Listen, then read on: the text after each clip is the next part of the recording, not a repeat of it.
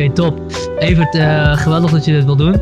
Uh, je bent eigenlijk de, technisch gezien de eerste persoon die twee keer op deze podcast komt.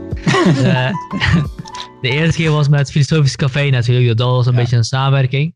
Maar er is eigenlijk niemand geweest die ik, die, die ik nog een keer heb willen spreken, tot nu toe. Mm -hmm. en de reden dat ik jou wilde spreken was, was omdat ik me laatst tijd steeds begin af te vragen wat, wat Rusland nou precies aan het doen is. Wat Rusland nou, nou wil. Uh, en hoe dat land, waar, wat, wat, wat een beetje lijkt alsof het volledig in controle staat van Poetin, dat is tenminste hoe de berichtgeving hier het lijkt te brengen. Um, hoe die denken over de wereld en hun positie daarin en hoe ze zich daarin moeten gedragen. En, en wat, ik denk, wat ik denk dat de vraag is die, die daaronder ligt is, is het beeld dat wij van, uh, van Rusland krijgen, is dat, klopt dat daadwerkelijk? Is Poetin daadwerkelijk die bond willen zoals, zoals, zoals ik in ieder geval het beeld heb dat hij, dat hij is? Iemand die imperialistisch is, iemand is die uh, uh, um, het eigen belang altijd voorop zet. En is dat, als dat zo is, ja of nee, is dat iets wat voortkomt uit een ander soort manier van kijken naar de wereld en filosofie dan we hier in West-Europa gewend zijn? Mm. Um... Dus misschien is het goed als je eerst een klein beetje vertelt over wie je bent, voordat we daarin duiken. Ja, dat is goed. Um,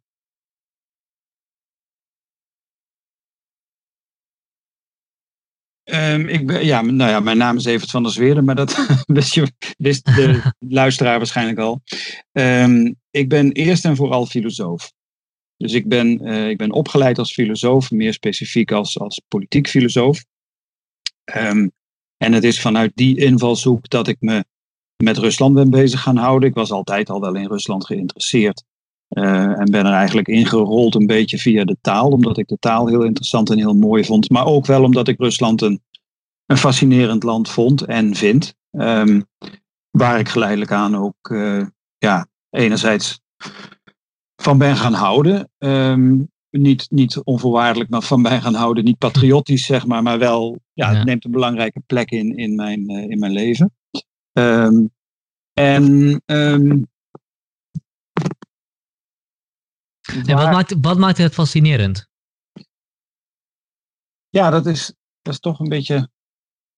Ik denk, als dat daar zou ik heel erg lang over kunnen vertellen, maar ik denk dat de kern erop neerkomt dat Rusland anders is en toch niet exotisch. Dus dat het in tegenstelling mm -hmm. tot uh, Japan of India of, of uh, Centraal-Afrika of iets dergelijks, zijn er een heleboel dingen die eigenlijk identiek zijn of die heel erg op elkaar lijken. Dat, denk alleen al aan uh, zoiets als uh, schilderkunst of klassieke muziek, waar de Russische traditie een integraal onderdeel uitmaakt van de Europese traditie. Tchaikovsky wordt overal uitgevoerd, Rachmaninov wordt overal uitgevoerd, Kandinsky, Chagall, uh, Malevich, die hangen overal. Um, Rusland is pionier geweest in, in, de, in de filmkunst en in de filmindustrie en is op allerlei fronten um, integraal onderdeel van wat we de Europese culturele traditie zouden kunnen noemen. Uh, en tot 1917, misschien eigenlijk moeten zeggen tot 1920 ongeveer, gold dat eigenlijk ook voor filosofie. Hmm. Um, en aan de andere kant is Rusland heel duidelijk anders. En is het vanuit zeg maar Centraal- en West-Europa ook altijd gezien als um, ja, het, de grote ander, de grote andere buur. Uh, en zo heeft Rusland zichzelf ook altijd gepercipieerd. Dus Rusland heeft zichzelf ook altijd gezien als het andere Europa. Um, soms ook als het betere Europa of het eigenlijke Europa. En dan moet je met name aan de christelijke traditie denken, dus de, de orthodoxe traditie. Mm -hmm. Gaat ervan uit dat het orthodoxe christendom het enige ware christendom is. En dan is Rusland als veruit het grootste uh, orthodox-christelijke land er is een traditie om zichzelf te zien als de, zeg maar, de hoeder van het christendom. Dat is iets wat West-Europeanen over het algemeen helemaal niet snappen. Uh, maar dat komt gewoon omdat bij ons de katholieke traditie zichzelf opgevat heeft als het enige ja. ware christendom. Dat, dat is inderdaad dat ik die vraag wilde stellen. Uh, snappen ze niet dat iemand zichzelf als de hoeder ziet van het christendom of dat Rusland zichzelf als de hoeder ziet van het christendom? Uh, ja, dat, ik denk dat laatste. Ja. Dus, dus ik, denk dat, ik denk dat voor veel westerse mensen met een al dan niet actieve christelijke achtergrond. En dat zijn natuurlijk veruit de meeste Europeanen. Die zijn, kopen of uit een katholieke of uit een protestantse uh, traditie. Um, althans in dit deel van Europa. Um, die zijn groot geworden in de gedachte, oh ja, daar ergens in het oosten is ook nog een christelijke traditie. Mm. Dus dan is het heel vreemd wanneer die zich opeens poneert als de hoeder van het ware christendom. Op een hoger abstractieniveau kun je dan denken, ja, dat doet iedere stroming op een bepaalde manier. Hè? Dus, uh, ja. de verschillende stromingen in de islam beschouwen zichzelf ook allemaal als de ware islam. Ja. Uh, dus daar is op dat meer algemene, als je wil, formele niveau, is daar niks geks aan. Um, maar het, het strookt denk ik voor veel mensen in West- en Centraal-Europa niet met het andere dominante beeld wat ze hebben, namelijk Rusland als een toch soort van achterlijk of achtergebleven of heel autoritair um, Ja. land. En is dat beeld van, van wat we in West-Rusland, van eh, West-Europa van Rusland hebben, is dat, is dat was dat 19, voor 1917 ook het geval? Of is dat pas iets dat na 1917 of misschien zelfs met de Koude Oorlog opgebouwd is? Mhm. Ehm, ik denk dat het altijd een. Eigenlijk denk ik dat het altijd een mengeling geweest is. Dus er is ook altijd in Centraal- en West-Europa heel veel bewondering en heel veel waardering geweest voor allerlei dingen die in Rusland gebeurden. Dus het, laat, het heeft ons nooit koud gelaten, laat ik het zo maar zeggen. En andersom is dat ook zo. En in het geval van Rusland heeft dat heel vaak de vorm aangenomen van um, een, een, een afwisseling van een soort minderwaardigheidscomplex. Van zolang wij niet Europa nadoen en net zo vooruitstrevend en net zo modern worden, blijft het bij ons een achtergebleven zootje.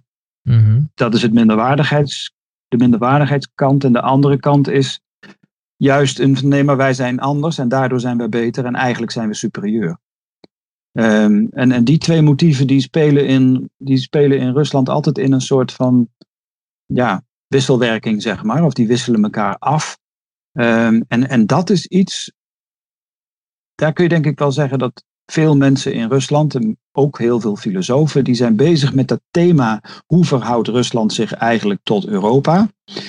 Um, op een gepassioneerde manier, die voor West-Europeanen eigenlijk niet, niet speelt. Want voor ons is dat eigenlijk een uitgemaakte zaak. Uh, Noordwest-Europa heeft heel erg sterk de neiging om zichzelf als de norm van de wereld te beschouwen. Mhm. Dus ja, als ze daar dan in Rusland moeilijk over doen, dan is dat hun probleem. Beetje, zo'n beetje. Ja. En dus, D- d- ja, dat herken ik ook wel van het Midden-Oosten. Daar, daar heb je ook een soort gelijke verhouding met het Westen. Een soort van minderwaardigheidscomplex, maar toch superioriteitscomplex in de zin dat zij het, de waarheid hebben in de vorm van de islam en, en, uh, en het boek. Ja, ik denk dat dat, ik denk dat, dat op heel veel fronten, uh, denk ik dat die vergelijking tussen het Midden-Oosten en, uh, en, en, en Rusland, dat, je, dat je daar heel ver mee, mee kunt komen. Met één groot verschil, denk ik. Dat maakt het geval van Rusland wat specifieker. Um, Rusland is wel op een aantal momenten in de Europese geschiedenis uh, opeens als grootmacht op het toneel verschenen. Ja, het is, uiteindelijk is het de tsaar van Rusland, Alexander I, geweest, die definitief Napoleon heeft verslagen. En het was in, uh, ik meen 1813 of 1814, was het de tsaar van Rusland die als grote triomfator Parijs binnentrok. Mm. Um, het was de Sovjet-Unie die heel Oost- en Centraal-Europa van de nazi's bevrijdde en die als de grote triomfator Berlijn binnentrok.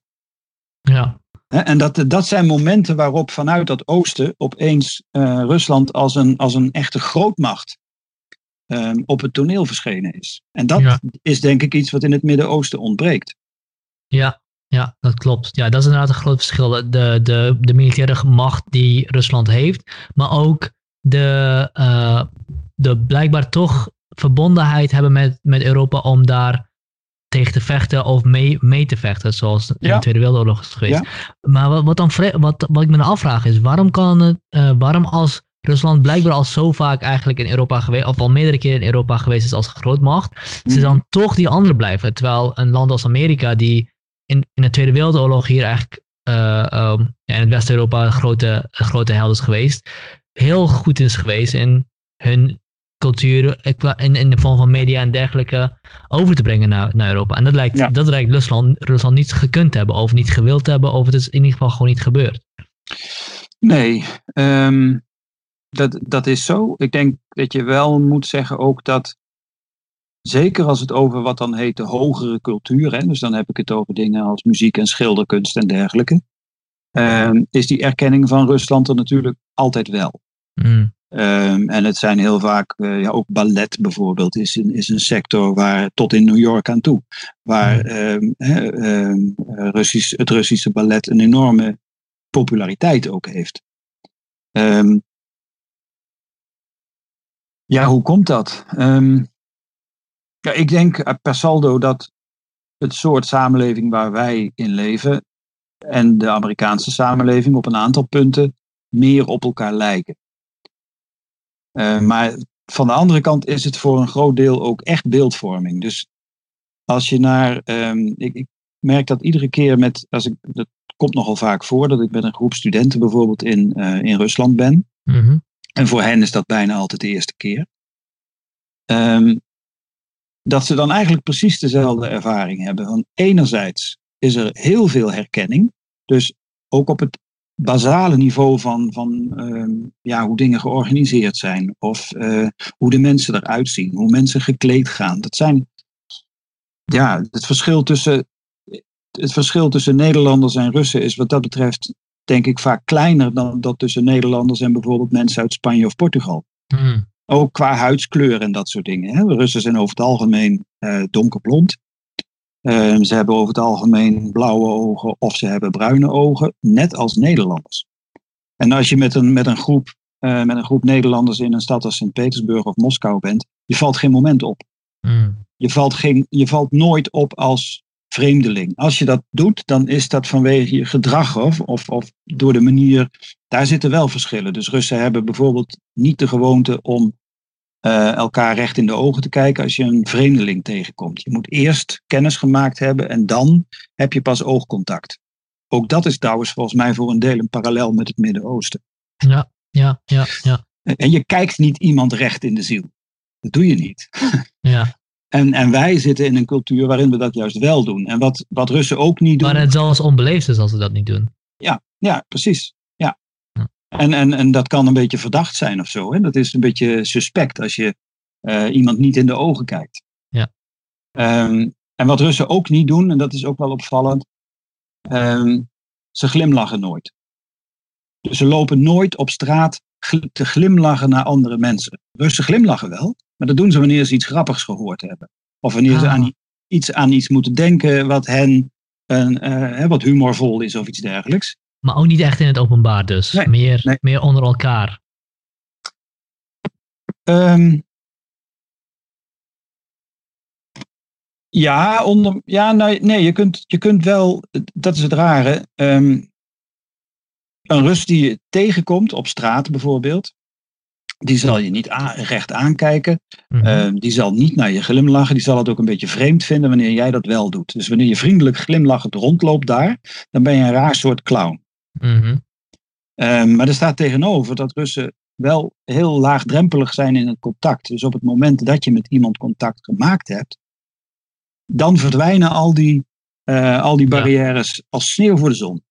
En Russen, dan, ja. en dan wordt het Ja. opeens een heel warm contact. ja, absoluut. Russen zijn heel warme mensen wat dat betreft. Zijn ook heel, ehm, ja, heel eh, gepassioneerd. Ehm, je kunt met Russen, en dat is een tegenstelling met Amerikanen bijvoorbeeld, tenminste, dat is ook een generalisatie, maar je krijgt met Russen niet gauw een oppervlakkig gesprek. Mm. Dat lukt gewoon niet, want ze gaan meteen de diepte in. En eh, wat voor diepte is het dan? Is het dan politiek of is dat meer filosofisch of cultureel of kan het van alles zijn? Kan van alles zijn.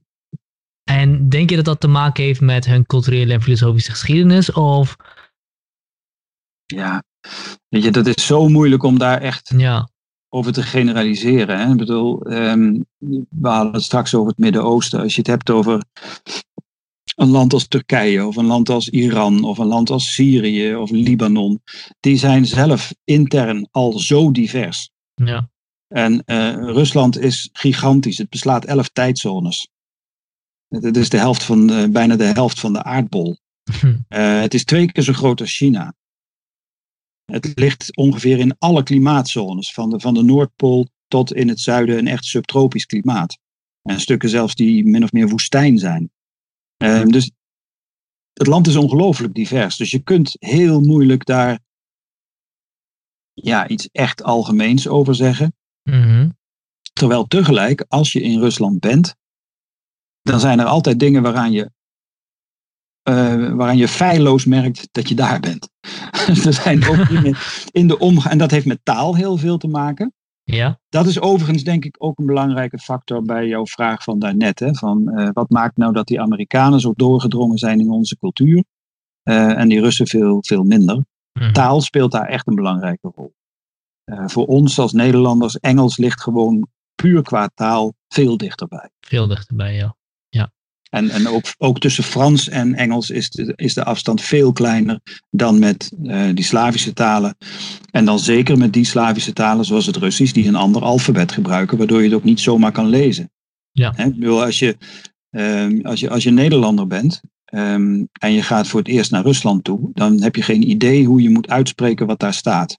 Als je als Nederlander naar Turkije gaat, ook al ken je geen woord Turks, je kunt bijna alles oplezen. Mm -hmm. En dan doe je het misschien wel fout. maar je kan, je kan de letters lezen, ja. Ja, je kan de letters lezen en als je ze opschrijft en je spreekt ze uit, dan zal een, een, een, een native speaker van de Turks, die zal meestal ook begrijpen welke straat of welke adres of wat ook je bedoelt. Terwijl Russisch, dat, als je de taal niet kent, dan wordt dat een, een, een rijtje onbegrijpelijke ja. kriebeltjes. Dan gaat het gewoon niet.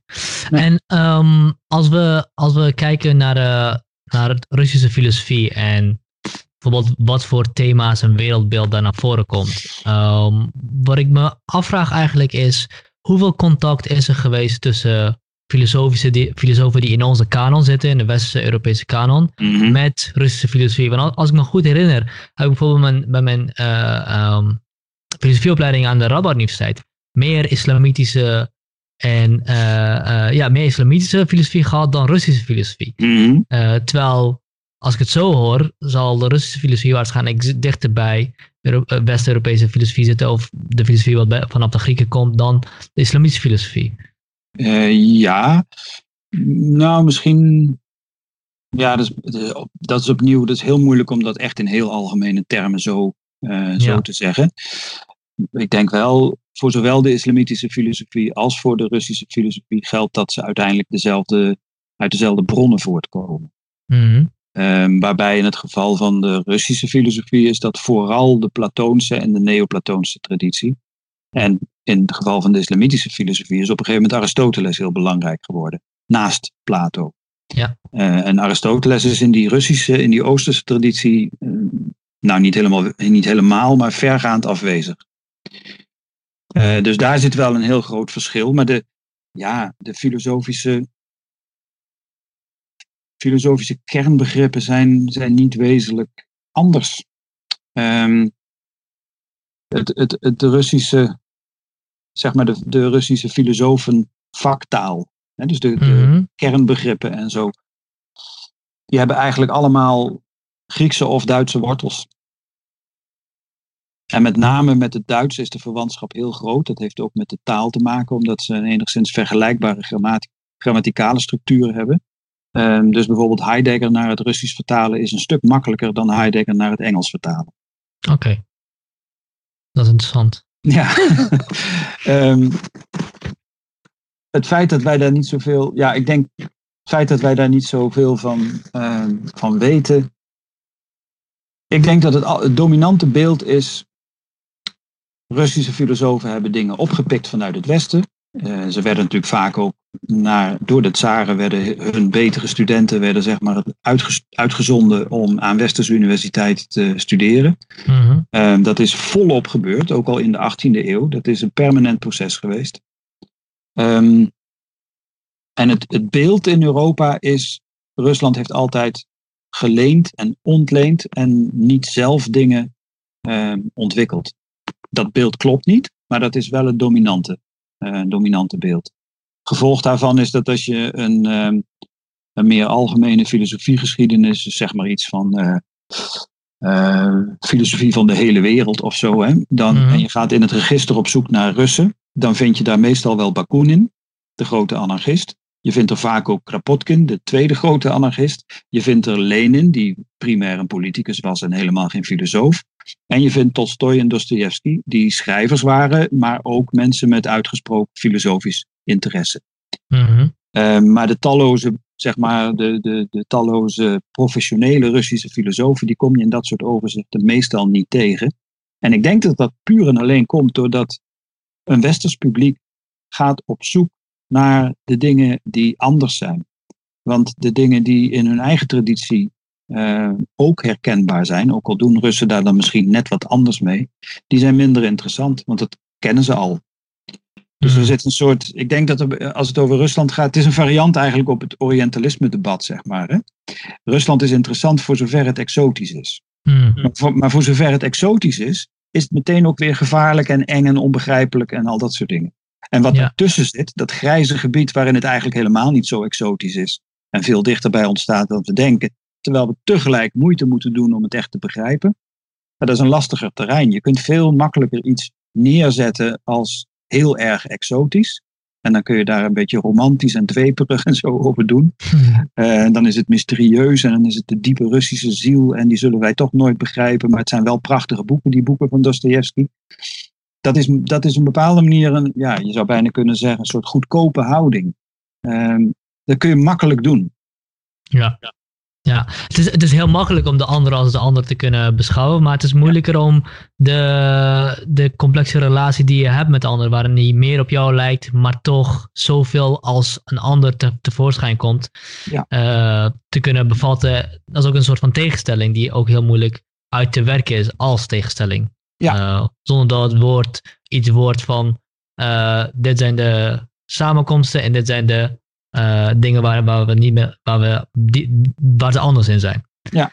Ehm, wat ik me dan afvraag is, als je zegt dat de, dus er wordt veel minder naar de, naar de filosofie gekeken die Russen zelf ontwikkeld hebben, omdat het te, lijkt, te veel lijkt op wat we al hebben. Mhm. Uh, betekent dat dan dat zij aangaande thema's die we in de westerse filosofie hebben gehad, als- zoals het thema van, uh, van kenleer, het thema van subject en object, ze daar dan op redelijk gelijksoortige antwoorden komen en, en, en narratieven en frames komen? Ehm, ja, Het is, natuurlijk, het is natuurlijk moeilijk, omdat nu al alle vragen die ik stel heel generalistisch zijn. Uh, Ja. Maar misschien is het goed, misschien is het dan goed om juist naar een aantal specifieke uh, toonaangevende filosofen te kijken. Mhm. Um, nou, Dostoevsky komt natuurlijk als eerste naar voren, maar misschien heb jij een ander voorbeeld die je. Ja, ik, ik zou zelf, ehm, er zijn natuurlijk eeuwige discussies wanneer noem je iemand filosoof. Ehm, dat zijn overigens ook discussies die in Rusland zelf voortdurend spelen. Ehm, meestal worden mensen als Dostoevsky en ook Tolstoy, ehm, die worden eerder als denker omschreven dan als filosoof. Hmm, Ehm, maar ja, goed, waar ligt precies de grens tussen een denker en een filosoof? Dat is natuurlijk heel lastig. hè. En er zijn ook in de westerse traditie heel veel mensen die wij toch als filosofen beschouwen. Ehm, die ook niet eh, aan de academie werkten of aan de universiteit of zo, maar een ander soort bestaan leiden. ehm, of die van de universiteit afgeknikkerd werden of wat dan ook. Eh, of denk aan, aan, denk aan Marx of zo, die eh, in de marge van de samenleving leefde. Ehm, vergelijkbaar met iemand als Bakunin eigenlijk, wat dat betreft. Dus dat is, ook dat is echt lastig. Ik denk daar waar echt verschillen ontstaan. Ik zal zo ook een, een, een verschil, een belangrijk verschil noemen. ja. Voordat je verder gaat, zou je de Ja. laptop een klein beetje willen draaien, zodat je net wat meer in het midden zit. Oké, zo? Uh, ik zie geen verschil. Oké. ja, zo is het beter. Ja, ja dat is Zo beter. is ja. beter? Ja. Oké. Ehm, ik denk dat de verschillen die er zijn, en die zijn er, ehm, ook al zijn dat generalisaties, en het wordt altijd complexer op het moment dat je de diepte ingaat, zeg maar. Ehm, maar de verschillen die er zijn, hebben heel vaak wel te maken met de andere religieuze achtergrond enerzijds. Ehm, dus de orthodoxe traditie, waar toch echt een aantal andere elementen in zitten. Ehm, en aan de andere kant de ja, zeg maar de politieke geschiedenis van, uh, van Rusland en ook de geografie van Rusland, die gewoon echt heel anders is dan die van uh, meer westelijke delen van Europa. Ik denk dat dat op het filosofische denken ook altijd een impact heeft. Um, wat daaruit naar voren komt, twee dingen te noemen, um, die in de secundaire literatuur ook, ook allebei een soort van gemeenplaatsen zijn. Hoor. De ene is, um, Russische filosofie heeft bijna altijd een praktische in, inslag. Dus het, gaat bijna altijd ook om de vraag, um, de normatieve vraag van hoe moeten we handelen, wat moeten we als mensen doen, wat, is, wat is het goede en dat soort dingen. Dus ze zijn dat betreft relatief weinig geïnteresseerd in uh, de puur theoretische of de, de terminologische kwesties en dat soort dingen. Niet dat dat het niet is. Zij kennen die, die scholastische ja? traditie, daar ligt bij hun niet de nadruk op. Nee, en die, de scholastiek als zodanig hebben ze ook niet meegekregen. Hè? Mm -hmm. Dus de, de, de scholastiek wel een beetje in de, in de marge, omdat delen van Rusland ook wel een tijd lang onder Polen gevallen hebben. En daar waren dan Jezuïeten die daar naartoe gestuurd werden en zo. Die hebben voor een stuk die scholastiek ook wel uh, meegenomen en daar, daar geïmporteerd. Maar over het algemeen is dat niet zo heel sterk ontwikkeld. En wordt ook vaak van Russische filosofen gezegd dat ze, um, nou laat ik zeggen, dat ze terminologisch wat slordig zijn. Mm -hmm.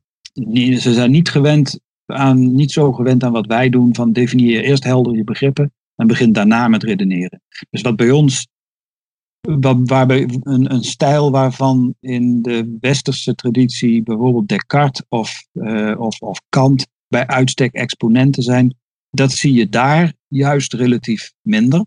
Terwijl denkers die je zou kunnen vergelijken met, met, met Hegel of Schopenhauer of Nietzsche, die zie je juist relatief veel. Dus mensen die, die uh, ja, op, een, op een tamelijk vanzelfsprekende manier hun eigen begrippenapparaat ontwikkelen, bijvoorbeeld. Zonder dat ze daarbij stil gaan staan en zeggen van en hier bedoel ik exact dat mee en daar bedoel ik exact dat Mm. mee. Daardoor grenst het ook vaak wat meer aan uh, literatuur of aan poëzie en dat soort, dat soort dingen. Maar dus één, één duidelijk kenmerk is de, um, de over het algemeen toch praktische inslag. Dus het, dat het een ethische of een, of een sociaal-politieke uh, invalshoek heeft. Vaak juist meer ethisch dan politiek. Uh, en dat heeft met de politieke geschiedenis te maken, want zodra het politiek wordt, wordt het ook heel snel uh, ja, verdacht, zeg maar, of, of Mhm. problematisch. Um, en een andere is, dat is ook wel iets wat, denk ik, over de hele linie geldt. Um, en dat gaat naar die kennenleer waar je het over had. Een soort van zelfsprekend realisme. Dus daar waar voor een deel westerse filosofen elkaar de koppen hebben ingeslagen over uh, thema's als solipsisme. Hè, um, en kennen wij, kunnen wij überhaupt de werkelijkheid wel, uh, wel kennen en dat soort, dat Mhm. soort vraagstukken. Daar moet je bij de gemiddelde Russische filosoof niet mee aankomen. Dus dat zijn, wat daar sterk ontwikkeld is, is een, uh, ja, je zou kunnen zeggen, een spontaan realisme, waarbij realisme dan wel heel breed wordt opgevat. Dus dat kan ook betekenen uh, directe ervaring van de aanwezigheid van het goddelijke of iets dergelijks. Maar dat zoiets als directe, aan, directe ervaring uh, mogelijk is, dat staat niet echt ter discussie. Dus om het in termen van Kant te zeggen, je zou kunnen zeggen, de, de, de toegang tot het aan is eigenlijk een vanzelfsprekendheid. Mm. En soms krijgt dat de vorm van een intu intuïtivistische uh, kenleer. Dus van, we hebben als mensen hebben we al een soort van intuïtieve toegang tot het wezen van de werkelijkheid. En dat is ons vertrekpunt en dat moeten we verder uitwerken. Dat is een reden waarom bijvoorbeeld Hegel heel goed gevallen is. En betekent dat dan ook, die van spontaan realisme, om het dan weer even kansstemmen te houden, dat er ook geen onderscheid gemaakt wordt tussen dingen aan zich en fenomenen? Of dat dat veel minder problematisch is? Um, nou, er zijn, er zijn zeker filosofen die zich daarmee uh, bezig gehouden hebben. Um, iemand als Vladimir Salavjov bijvoorbeeld is uitvoerig met Kant in de slag geweest. En er is ook een hele grote en een brede uh, neo-Kantiaanse stroming geweest in de Russische filosofie op het eind van de 19e, begin van de 20e eeuw. Um, wat, er, wat er denk ik ja, wat, het, wat het anders maakt. En waardoor zeg maar, de, de filosofen die, die je als typisch Russisch zou kunnen kenmerken of zo, waardoor die zich onderscheiden van bijvoorbeeld Neokantianen. Want Neokantianen gaan er in feite vanuit, het aan zich is gewoon niet toegankelijk. Dus, mhm. hè, de, de, de, en daar hoeven we het verder dan ook niet meer over te hebben. Dus we doen het met een wereld van, eh, van verschijningen. De meer, de meer typisch Russische filosofen zijn degenen die, die daar tegen ingegaan zijn. Die, ehm, die bijvoorbeeld dan een intuïtieve toegang tot het wezen van de werkelijkheid uh, als uitgangspunt nemen. En dan zijn de verschijningen wel nog steeds fenomenen, maar ze zijn verschijningen van iets waar we ook kennis van hebben. Mm Mm Oké. Ehm, en er waren nog een aantal dingen, uh, andere dingen die je wilde noemen. Want we begonnen dit stukje met dat er drie waarschijnlijk grote elementen zijn die hun weerslag vinden in de filosofie van en het denken van de Russen. Mm Ten eerste de elementen die anders zijn in de orthodoxe, orthodoxe traditie. Ten tweede uh, de geografie. En ten derde had je nog, was het nog andere ja, nou, ik, ik heb toen ik, ik heb geografie en politieke geschiedenis. Politieke geschiedenis, ja. Gekoppeld. Ja. Wat natuurlijk voor een deel, ja, dat zijn natuurlijk tegelijk ook weer verschillende dingen. Maar je zou wel kunnen zeggen, die geografie is een soort ja, hard gegeven, zeg maar. Hè? Dus het, het is nu eenmaal het land wat het is en het ligt waar het ligt. Ja, ja en ik kan me ook voorstellen dat wanneer je, uh, wanneer je in een omgeving zit die veel um, veel van je vraagt om in te overleven, laat ik het zo mhm. zeggen, dat die directe vraag van wat moet ik doen en hoe moet ik goed leven, al snel veel relevanter is dan de theoretische aspecten. Mm, ja, maar ik denk dat je daarbij wel moet bedenken dat de laag van de bevolking die in Rusland zich met filosofie of met, met intellectuele zaken überhaupt uh, bezighield, um, die heeft over het algemeen toch een behoorlijk comfortabel uh, leven geleid. Dus dat was toch overwegend de adel. Ja, ja. Um, dus, ja. Rusland heeft een heel rauw klimaat. En um, dus die, die, eh, die, zeg maar, survival is daar een belangrijk, een belangrijk onder, uh, onderwerp. Um, maar ik denk, nee, de, de vraag is meer die vraag van wat moeten we doen? Is niet de existentiële vraag van hoe kunnen we in godsnaam in deze verschrikkelijke omstandigheden het hoofd boven water houden. Um, maar meer, ja, meer in de lijn zeg maar, met, de, met de elfde these van, uh, van, uh, van Karl, de elfde Feuerbach-these van Karl Marx. Het gaat erom de wereld te veranderen. Dus het idee van de wereld is uh, slecht of de wereld is onrechtvaardig. En taak van de filosofie is bij te dragen aan een verbetering daarvan. Hmm. Vaak ook heel nadrukkelijk vanuit die christelijke traditie gemotiveerd. Ja, dus dan, dat, dat is inderdaad de volgende vraag die ik wilde stellen. Wat zijn, wat zijn de elementen in de orthodoxe traditie uh, die zo anders zijn dan de katholieke traditie? Ja, um, Even voor de helderheid, daar zijn boekenkasten over vol dat geldt eigenlijk voor iedere vraag. En ik vraag het jou nu om in, in drie zinnen uit te leggen. ja, nee, maar precies. Maar daar, daar zit iets paradoxaals in. Wat, wat, voor mij is dat niet nieuw, want dat kom ik eindeloos tegen. Um, maar voor iemand die van buiten zeg maar, naar dat thema filosofie in Rusland, of naar Rusland überhaupt kijkt, um, ben je al heel snel een specialist. En ben je al heel snel iemand die heel veel weet. Terwijl als je in dat terrein zit, dan weet je hoe weinig je weet. Mhm. En dan weet je hoe uh, heel veel van de dingen die je, die je zegt generalisaties zijn of uh, uh, ja, veel te kort door de bocht. Of die je eigenlijk niet kan staven met, met, met wat voor een reden dan ook. Ja. Ik, denk dat, ik denk dat de, ik denk dat sowieso dat dat een vloek en ook een zegen is van, uh, van, van, van kennis, waarin je ziet hoe begrensd het is wat je eigenlijk weet. Ja. En um, dus, ja, dus dan begint de paradox, oké, maar wat kun je dan wel zeggen als je weet dat wat je nu zegt zo niet recht doet aan de complexiteit van de realiteit? Ja. Wat, wat kun je dan überhaupt zeggen? Kun je dan niet beter gewoon stil blijven? Nou ja, Oh, wat je dan in ieder geval kunt zeggen, is precies het soort dingen wat jij nu zegt. En dus als je het omdraait, als je, ehm, daar kun je met, met bijvoorbeeld met Russen kun je daarin in, over, de, over in discussie gaan. Eh, die komen op een gegeven moment dingen van, ja, maar jullie in het Westen zijn allemaal liberale individualisten. Hm. En dat wordt jullie ondergang. dat komt er dichtbij, hè? Wij gaan daaraan kapot. Dat is decadentie. Dat is Ja. doorgeslagen individualisme. En eh, daar krijg je accent eh, op- op allerlei liberale agenda's, gay rights en al dat soort dingen. Nou, dan komt er een hele riedel achteraan. Die al heel snel maakt dat als je hier vandaan komt, dus als je Nederlander bent bijvoorbeeld, dat je dan al heel snel denkt van ja, maar zo simpel is het allemaal ook niet. En het is ook niet zo dat wij allemaal eh, achter, de, achter de, de, de, de, de liberalen aanlopen of iets dergelijks. En er zijn in Nederland heel veel mensen die het hebben over gemeenschapszin. En die, eh, die juist helemaal niet die individualistische tour op willen.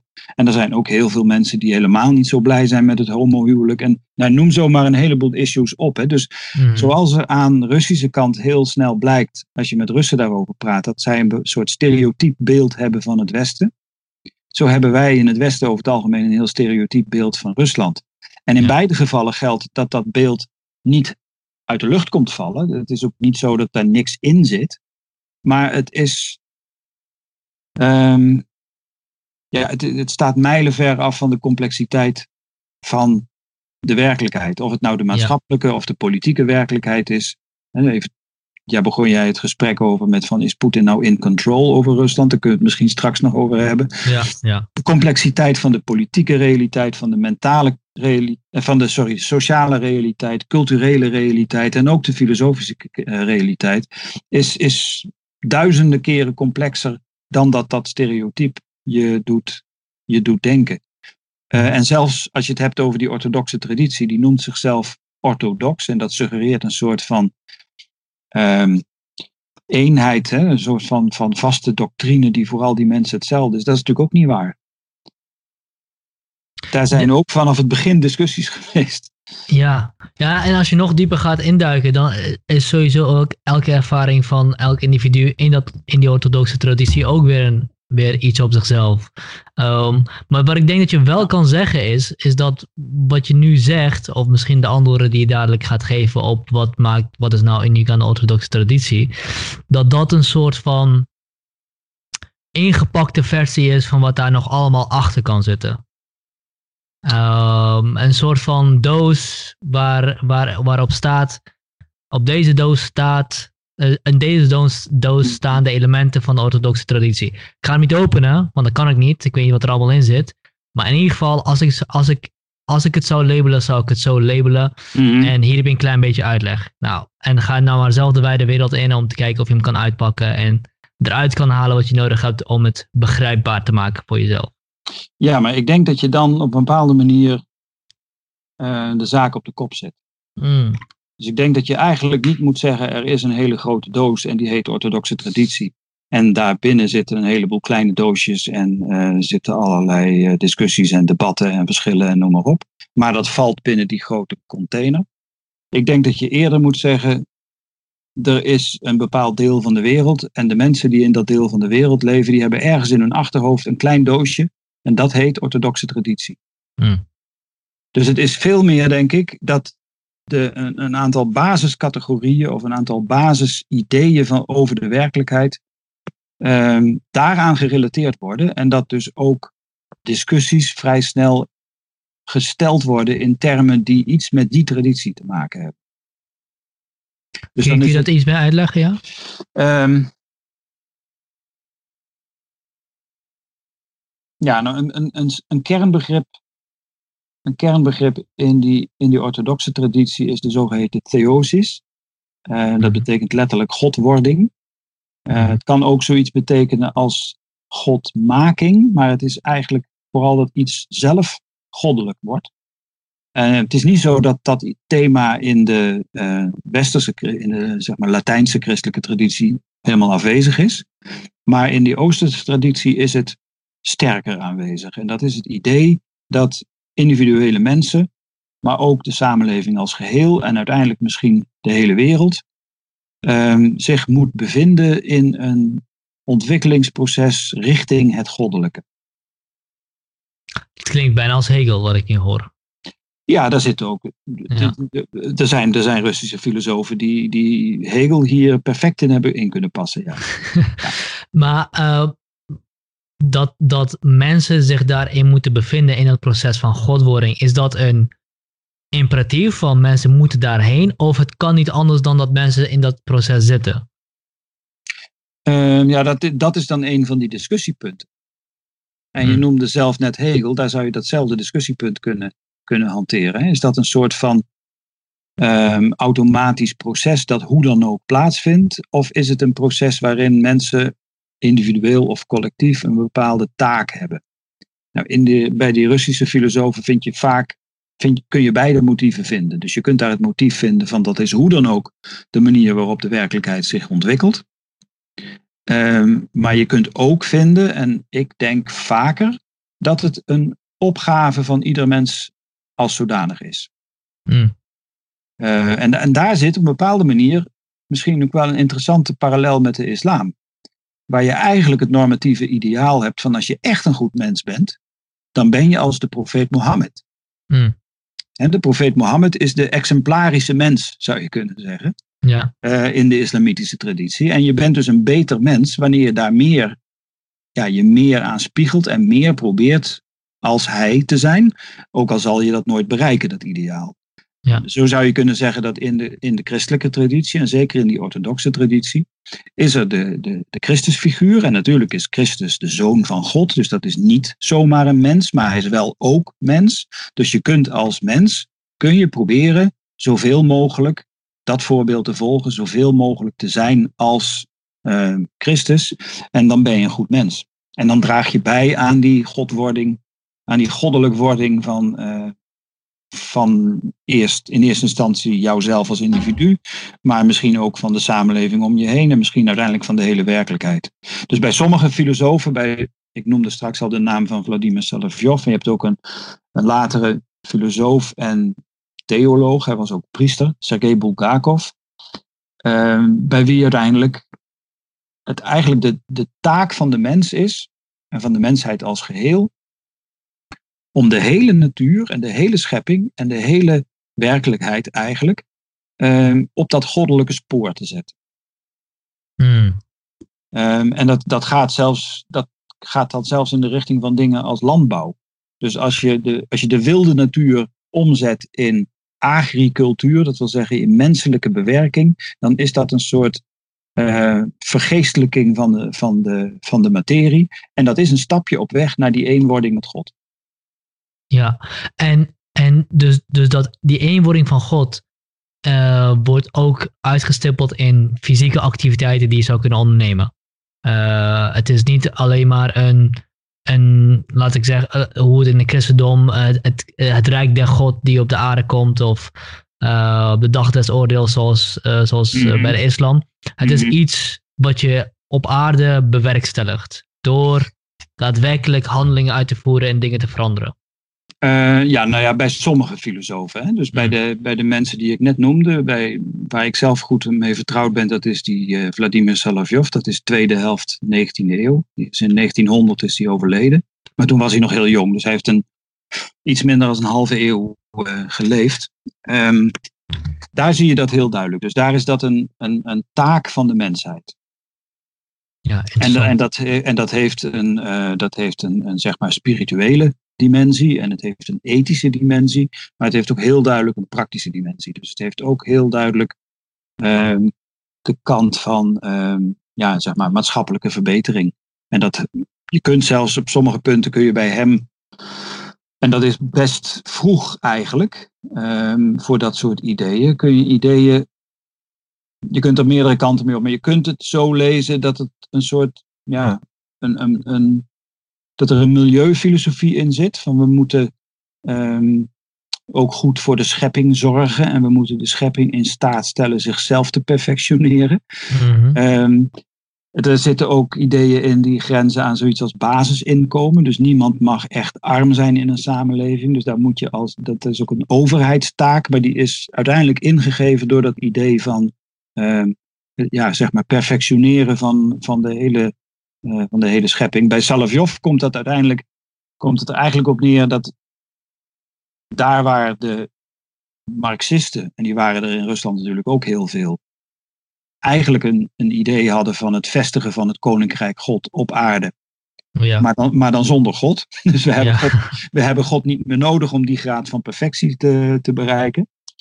Uh, dat kan de mens zelf, zeg maar. Hè. Daar vind je bij, bij die religieuze denkers, zoals Salavjov, zou je kunnen zeggen: het, is een, het gaat om de maximale voorbereiding van dat koninkrijk Gods. Dus wat wij mensen moeten doen, is alles doen wat we kunnen om daar zo dicht mogelijk bij in de buurt te komen.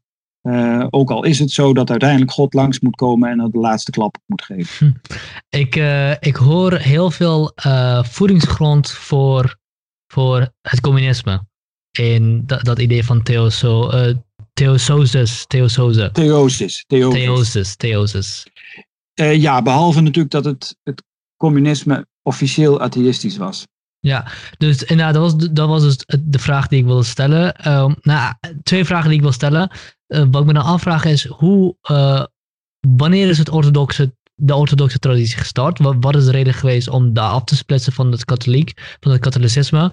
En inderdaad, hoe heeft het stand kunnen houden binnen het communisme? Wat en ja, officieel inderdaad atheïstisch, mm -hmm. uh, atheïstische ideologie was.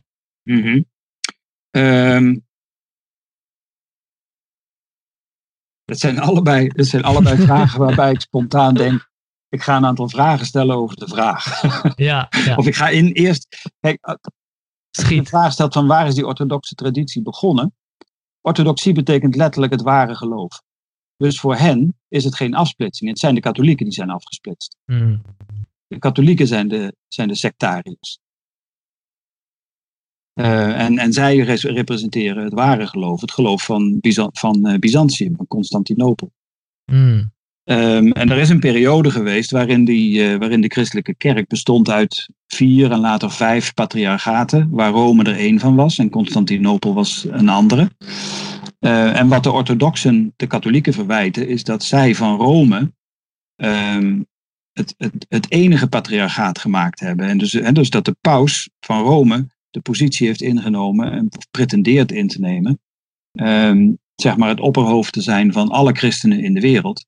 Daar waar die vanuit dat, orthodoxe perspectief niet meer is dan één van de patriarchen. Dus dat betekent ook dat, uh, dat um, orthodox christenen uh, niet de autoriteit van een paus accepteren. -hmm, absoluut, ja. Dat betekent ja. Zij accepteren de, de autoriteit van hun eigen patriarch. Dus Moskou heeft een eigen patriarchaat. Uh, Constantinopel heeft nog altijd een patriarchaat. Jeruzalem heeft een patriarchaat. En een heel aantal andere. Inmiddels zijn het er geloof ik negen of elf of zo. Er is een Bulgaarse kerk die heeft een eigen patriarch. Er is een, een Servische kerk die heeft een eigen patriarch. Die patriarchen erkennen elkaar onderling. En dat is ook de grond van hun legitimiteit, die onderlinge erkenning. Mm. In principe op voet van gelijkheid. Feitelijk ligt dat anders, want het patriarchaat van Moskou is met afstand de grootste en uh, het grootste en het machtigste en het rijkste patriarchaat. Dus die delen in veel opzichten de lakens uit binnen die orthodoxe wereld. Maar in principe zijn die patriarchaten allemaal uh, ja, autonoom, zou je kunnen zeggen. En is het zelfs zo dat het patriarchaat van, uh, van Constantinopel um, officieel de primus inter pares is. Dus officieel, zeg maar, net een streepje voor heeft. Uh, de, verzaam, de, de vergadering van alle patriarchen mag voorzitten. Als eerste het woord krijgt en dat soort dingen. Maar er is geen hiërarchie. Dus er is geen. Die orthodoxe kerken hebben niet zoiets wat lijkt, als, wat lijkt op de paus. Je zou eerder kunnen zeggen, mm. ze hebben een heleboel pausen. En af en toe gaan die samen rond een tafel zitten. Mm, mm. En van hun perspectief uit is de paus van Rome uh, van harte welkom om een stapje terug te doen. En te zeggen, ik ben niet de paus van alle christenen van de wereld, maar ik ben de patriarch van de Rooms-Katholieken. Ja. En ik ga weer aan tafel, maar op voet van gelijkheid. Um, dat is super interessant, want jou beantwoordde eigenlijk al een vraag die ik, die ik had. Dat, dat was namelijk, als de paus de christenen toespreekt, spreekt hij dan alle christenen toe, of alleen de katholieken en de protestanten. Maar hij spreekt dus ook, hij pretendeert ook ervoor te zijn voor de orthodoxe christenen. Hij, uh, hij pretendeert er zelfs te zijn voor alle mensen. Voor alle mensen, ja. ja. Um, en um, de, de, het beeld wat vanuit de orthodoxe traditie heerst, is de, we hebben een verstekeling, of niet een verstekeling, een, een, een, een uh, afvallige. Eigenlijk iemand die uh, doet, dat hij, doet alsof hij de baas is, maar mm. helemaal niet het recht heeft om zichzelf in zo'n positie te stoppen. Ja. Maar die welkom is om weer aan tafel te schuiven en weer mee te doen en de reg regels van het spel mee te spelen zoals die ooit bedacht zijn. Ja. Dat is heel interessant, want dat is, dat is, dat, dat is echt een totaal andere wereldbeeld over, uh, over hoe het christendom eruit ziet dan, dan, dan, uh, ja, dan, dan ik ken van, uh, van wat dan ook. Ja, nee, maar ik, denk, het is ook, ik, ik, denk dat het ook een hele interessante geschiedenis is. En ik, goed, ik, ik vertel het nu van, vanuit dat orthodoxe perspectief, zeg maar. Ja. Van hoe die dat, hoe die dat, hoe die dat zien. Uh, kijk, zij, zij, zij zijn natuurlijk in die zin zijn ze christenen, net zoals katholieke christenen zijn. Het christendom is een wereldgodsdienst. Um, dus dat is er in principe voor de hele mensheid. Wat dat betreft is er is er een analogie tussen het christendom en de islam. Want de islam pretendeert ook een religie te zijn voor alle mensen.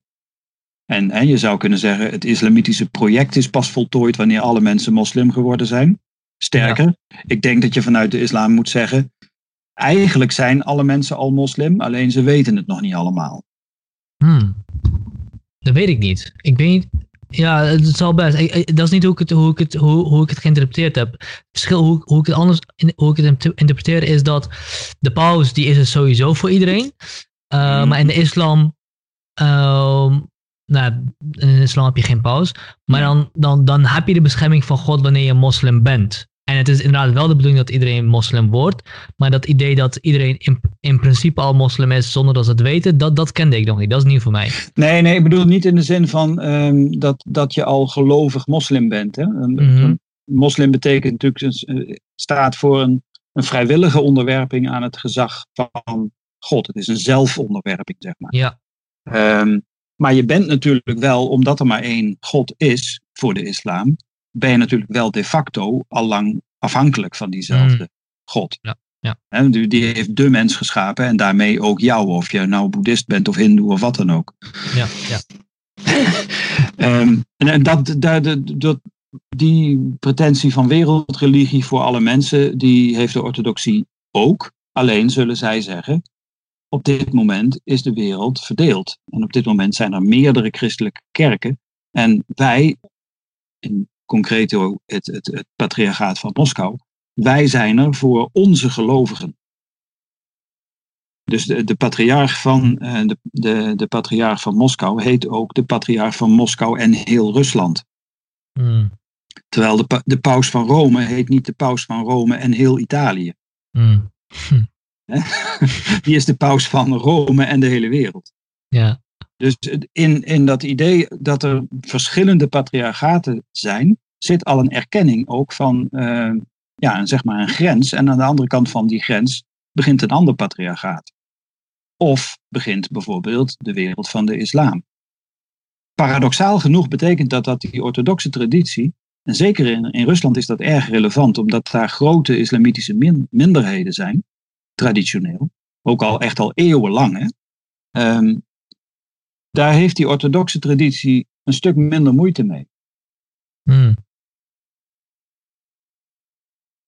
Met het idee dat er andere zienswijzen zijn. Ja, En wat of, ik- nou ja, die, ze zijn het met de inhoud daarvan niet eens. Hè? Dus ze zullen niet zeggen van eh, dat is gelijkwaardig of iets dergelijks. Nee, uiteraard, het is hun christendom en hun versie van het christendom is superieur.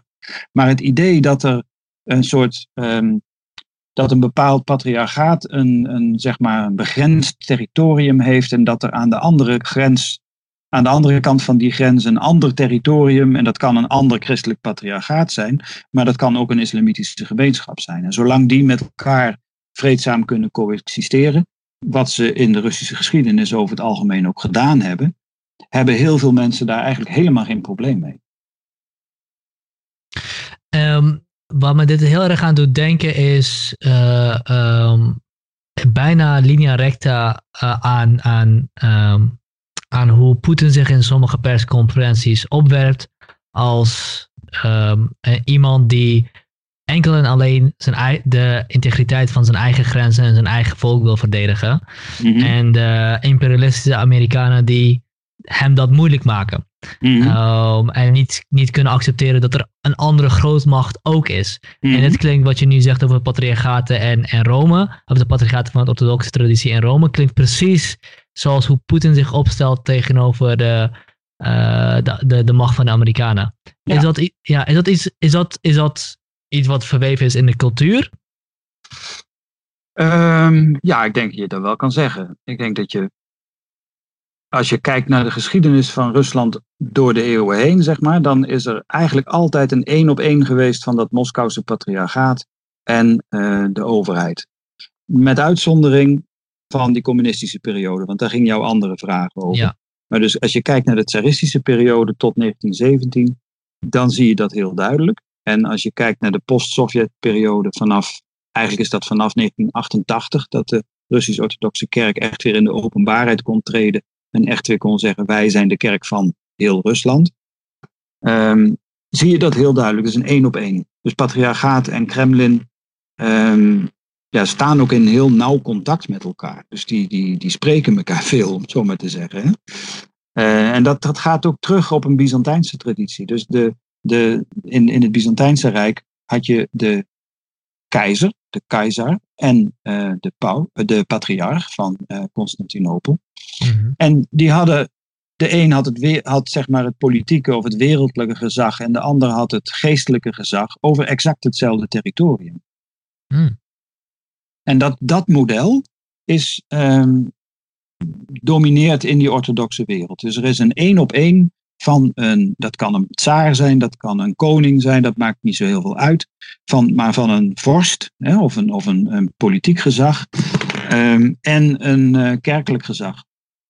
Wat betekent het om geestelijk gezag te hebben over een territorium? Um, ja, betekent, ja, Bedoel je wat het zeg maar theologisch betekent of wat het in de praktijk betekent? Nou ja, ik, ja dat, zijn, dat zijn weer twee aparte vragen. Ik weet niet welke twee. Ik, ik, bedoel, eh, ik, ik bedoel, ik heb er nooit over nagedacht dat je geestelijk gezag over een territorium kan hebben. Dus. Uh, ja, dit, ja, weet je, dat is heel. Nou ja, je zou bijvoorbeeld kunnen zeggen als je het kijkt naar, naar Turkije, dan zou je kunnen zeggen in Turkije wordt het geestelijke gezag uitgeoefend, eerst en vooral door, um, hoe heet dat, de Dianet.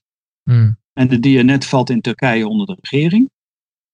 Dus er is een regering en die regelt de religiezaken. Ja, wat betekent dat in de praktijk? Dat betekent dat er met enige regelmaat um, ja, mededelingen gedaan worden vanuit die organisatie of vanuit die structuur over wat goed is en wat niet goed is, over wat mensen moeten doen. Uh, soms misschien da- ook meer politieke boodschappen, dus dat ze, uh, dat ze moeten helpen het, het vaderland sterk te maken. Of misschien juist dingen als dat ze moeten zorgen dat er heel veel nieuwe mensen komen, heel veel nieuwe Turkjes en heel veel nieuwe Rusjes. dat is wat in ieder geval in het geval van Rusland de Russisch-Orthodoxe Kerk met grote regelmaat zegt. Tot op de dag van vandaag. Ja, tot op de dag van vandaag. Ja. Ja. Een van Ruslands angsten is dat er te weinig Russen zijn. En waar komt dat vandaan? Dat er te weinig Russen zijn? Um, nou, het is, een, het is een, kwetsbare, een kwetsbaar land en een kwetsbare bevolking. Rusland heeft een geschiedenis waarbij ook met toch regelmatig uh, de bevolking flink teruggelopen is. Mm. Uh, en er is een periode geweest met vooral in de negentiger jaren, dat de Russische bevolking behoorlijk hard aan het slinken was. En dat ging parallel met de groei van een aantal uh, niet-etnisch Russische bevolkingsgroepen, met name in het zuiden, waar de meeste mensen moslim zijn. Um, ja, dat lijkt een beetje op het verhaal wat je in Europa heel vaak hoorde. Hè, van Europeanen krijgen geen kinderen en al die moslim-immigranten die hebben mhm. grote gezinnen. Dus mhm dan krijg je het verhaal van als dat zo doorgaat, dan worden we op een gegeven moment minderheid in eigen land en dan nemen mm. anderen nemen het over. En nou ja, die logica. Um, dat is in Rusland ook wel heel vaak een, een, een uh, motief. Ja, en ja, dat is ook iets wat, wat, je, wat je ook vaker wel. Volgens mij is er, wordt daar ook niet moeilijk over gedaan dat dat een motief is en dat het een doel is om die etnische. Uh, Ik denk dat, dat dat klinkt als, vaak als een vanzelfsprekende. En dan vraag ik me af, en bij ons lijkt dat minder het geval. Bij ons is dat, is dat bedoel, er zijn, zijn veel stemmen aan de marges die, ja, die misschien nu geen marges meer zijn, maar in ieder geval nog niet regeren. Uh, uh, er is in ieder geval nog geen plan vanuit, uh, vanuit de overheid om de etnische, etnische integriteit van, van de Nederlander te behouden. Mm. in Rusland is dat wel heel sterk, lijkt, lijkt het geval. Um, um, en ja, het lijkt ook soms dat sommige mensen soms een beetje nostalgisch kijken naar Rusland, dat dat, dat daar wel mag. Uh, en dat daar, mm-hmm. ik, zag, ik las ook laatst iets dat, uh, uh, dat de, de inperkingen van LHBTB, BTI, QI, in ieder geval enzovoorts rechten ingeperkt worden, dat dat een, een um, juist een voordeel is in Rusland, omdat ze zo kunnen weren tegen transgender propaganda. Mm-hmm. Nou ja, goed. Um, ik vraag me af waar, waar dat verschil vandaan komt. Waarom wij daar veel moeilijker mee zijn of veel, uh, veel behoedzamer voor zijn om mm-hmm. te pleiten voor etnische integriteit, etnische monocultuur en dat Rusland het veel minder heeft. Heeft dat misschien te maken met onze ja, gezamenlijke uh, trauma's van de Tweede Wereldoorlog of gaat dat nog verder? Mm-hmm. Nou, ik denk dat het zeker met die gezamenlijke trauma's te maken heeft. Uh, dus ik denk dat er in een land als Nederland een groot taboe rust uh, op iedere vorm van, van, van vertoog dat iets met ras en etniciteit en zo te maken heeft. En zeker wanneer dat gesteld wordt in termen van meerderheden en minderheden. Ik denk dat dat heel snel gevoelig ligt.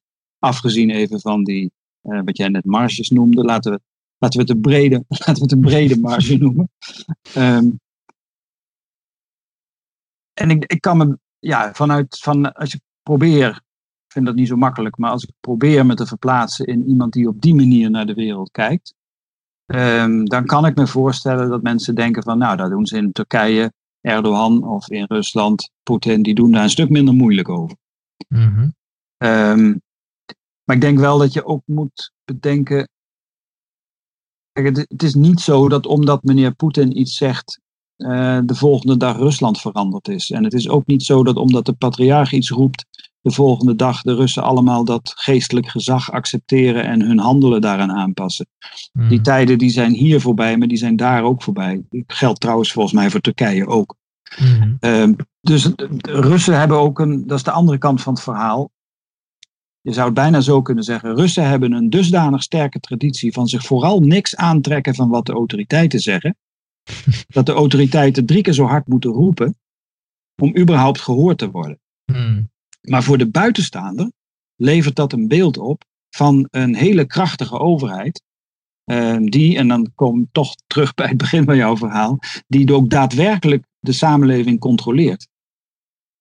En volgens mij is dat in de verste verte niet het geval als het over Rusland gaat. Ja, voordat we daarop ingaan, want ik denk, dat wel nu het moment aangesproken is om daarin te gaan, wil ik dit vraagstuk toch nog misschien uh, toch wel over omdraaien. Want als ik er nu over nadenk, um, waarom zou je niet bang zijn dat, je, dat de levenswijze die je gewend bent gaat veranderen? Uh, zou, in zou in dat opzicht dan het niet heel logisch zijn wat, wat Rusland en, en, uh, en Turkije willen doen. Dat ze de waarden die zij belangrijk wil, vinden in stand houden. Natuurlijk is het problematische wanneer je denkt dat alleen maar omdat mensen van een andere etniciteit, etniciteit binnenkomen, dat die waarden dan verloren gaat. Dat is natuurlijk ook al, al, al een moeilijkheid. Um, uh, maar het, bij ons is, zijn we niet alleen maar, hij is er niet alleen maar een taboe op dat etnisivering ervan. Maar het feit ook al überhaupt alleen maar dat je zegt, ik wil de Nederlandse cultuur behouden. Ook al zou je, en ik weet, ik weet niet of het voorkomt, voorkomt dat mensen dat zonder etniciteit erbij te betrekken ook doen. Maar überhaupt het willen behouden van de Nederlandse cultuur zoals die is, is al een, een heel moeilijke uitspraak om te maken. Mm-hmm. En, um, ja, die vraag wil ik, wil ik, wil ik, wil ik in, ingooien dan. Dan is het niet juist logisch dat je die waarden wil behouden. Als je die, als je die waarden Um, belangrijk vindt. Ja, maar ik denk, ik denk eigenlijk dat als je het hebt over de Nederlandse cultuur, dan um, praat je over een complete abstractie. Mm. Um, en als je bepaalde waarden wilt benadrukken, als je bijvoorbeeld uh, ja, maar iets respect voor andere mensen of uh, dergelijke waarden, um, ja, dan denk ik dat je in de, in de praktijk heel vaak ziet dat die door andere culturen volstrekt gedeeld worden. Um, dus ik, ik, ben, uh, ik ben zelf een, een heel aantal keren in zogeheten islamitische landen geweest. En ik heb overigens ook met mensen met een islamitische achtergrond hier in Nederland heel, veel, heel vaak de ervaring dat vanuit de islam het respect voor een andere persoon heel groot is. Mm -hmm. En dat vloeit ook voort uit de religieuze traditie.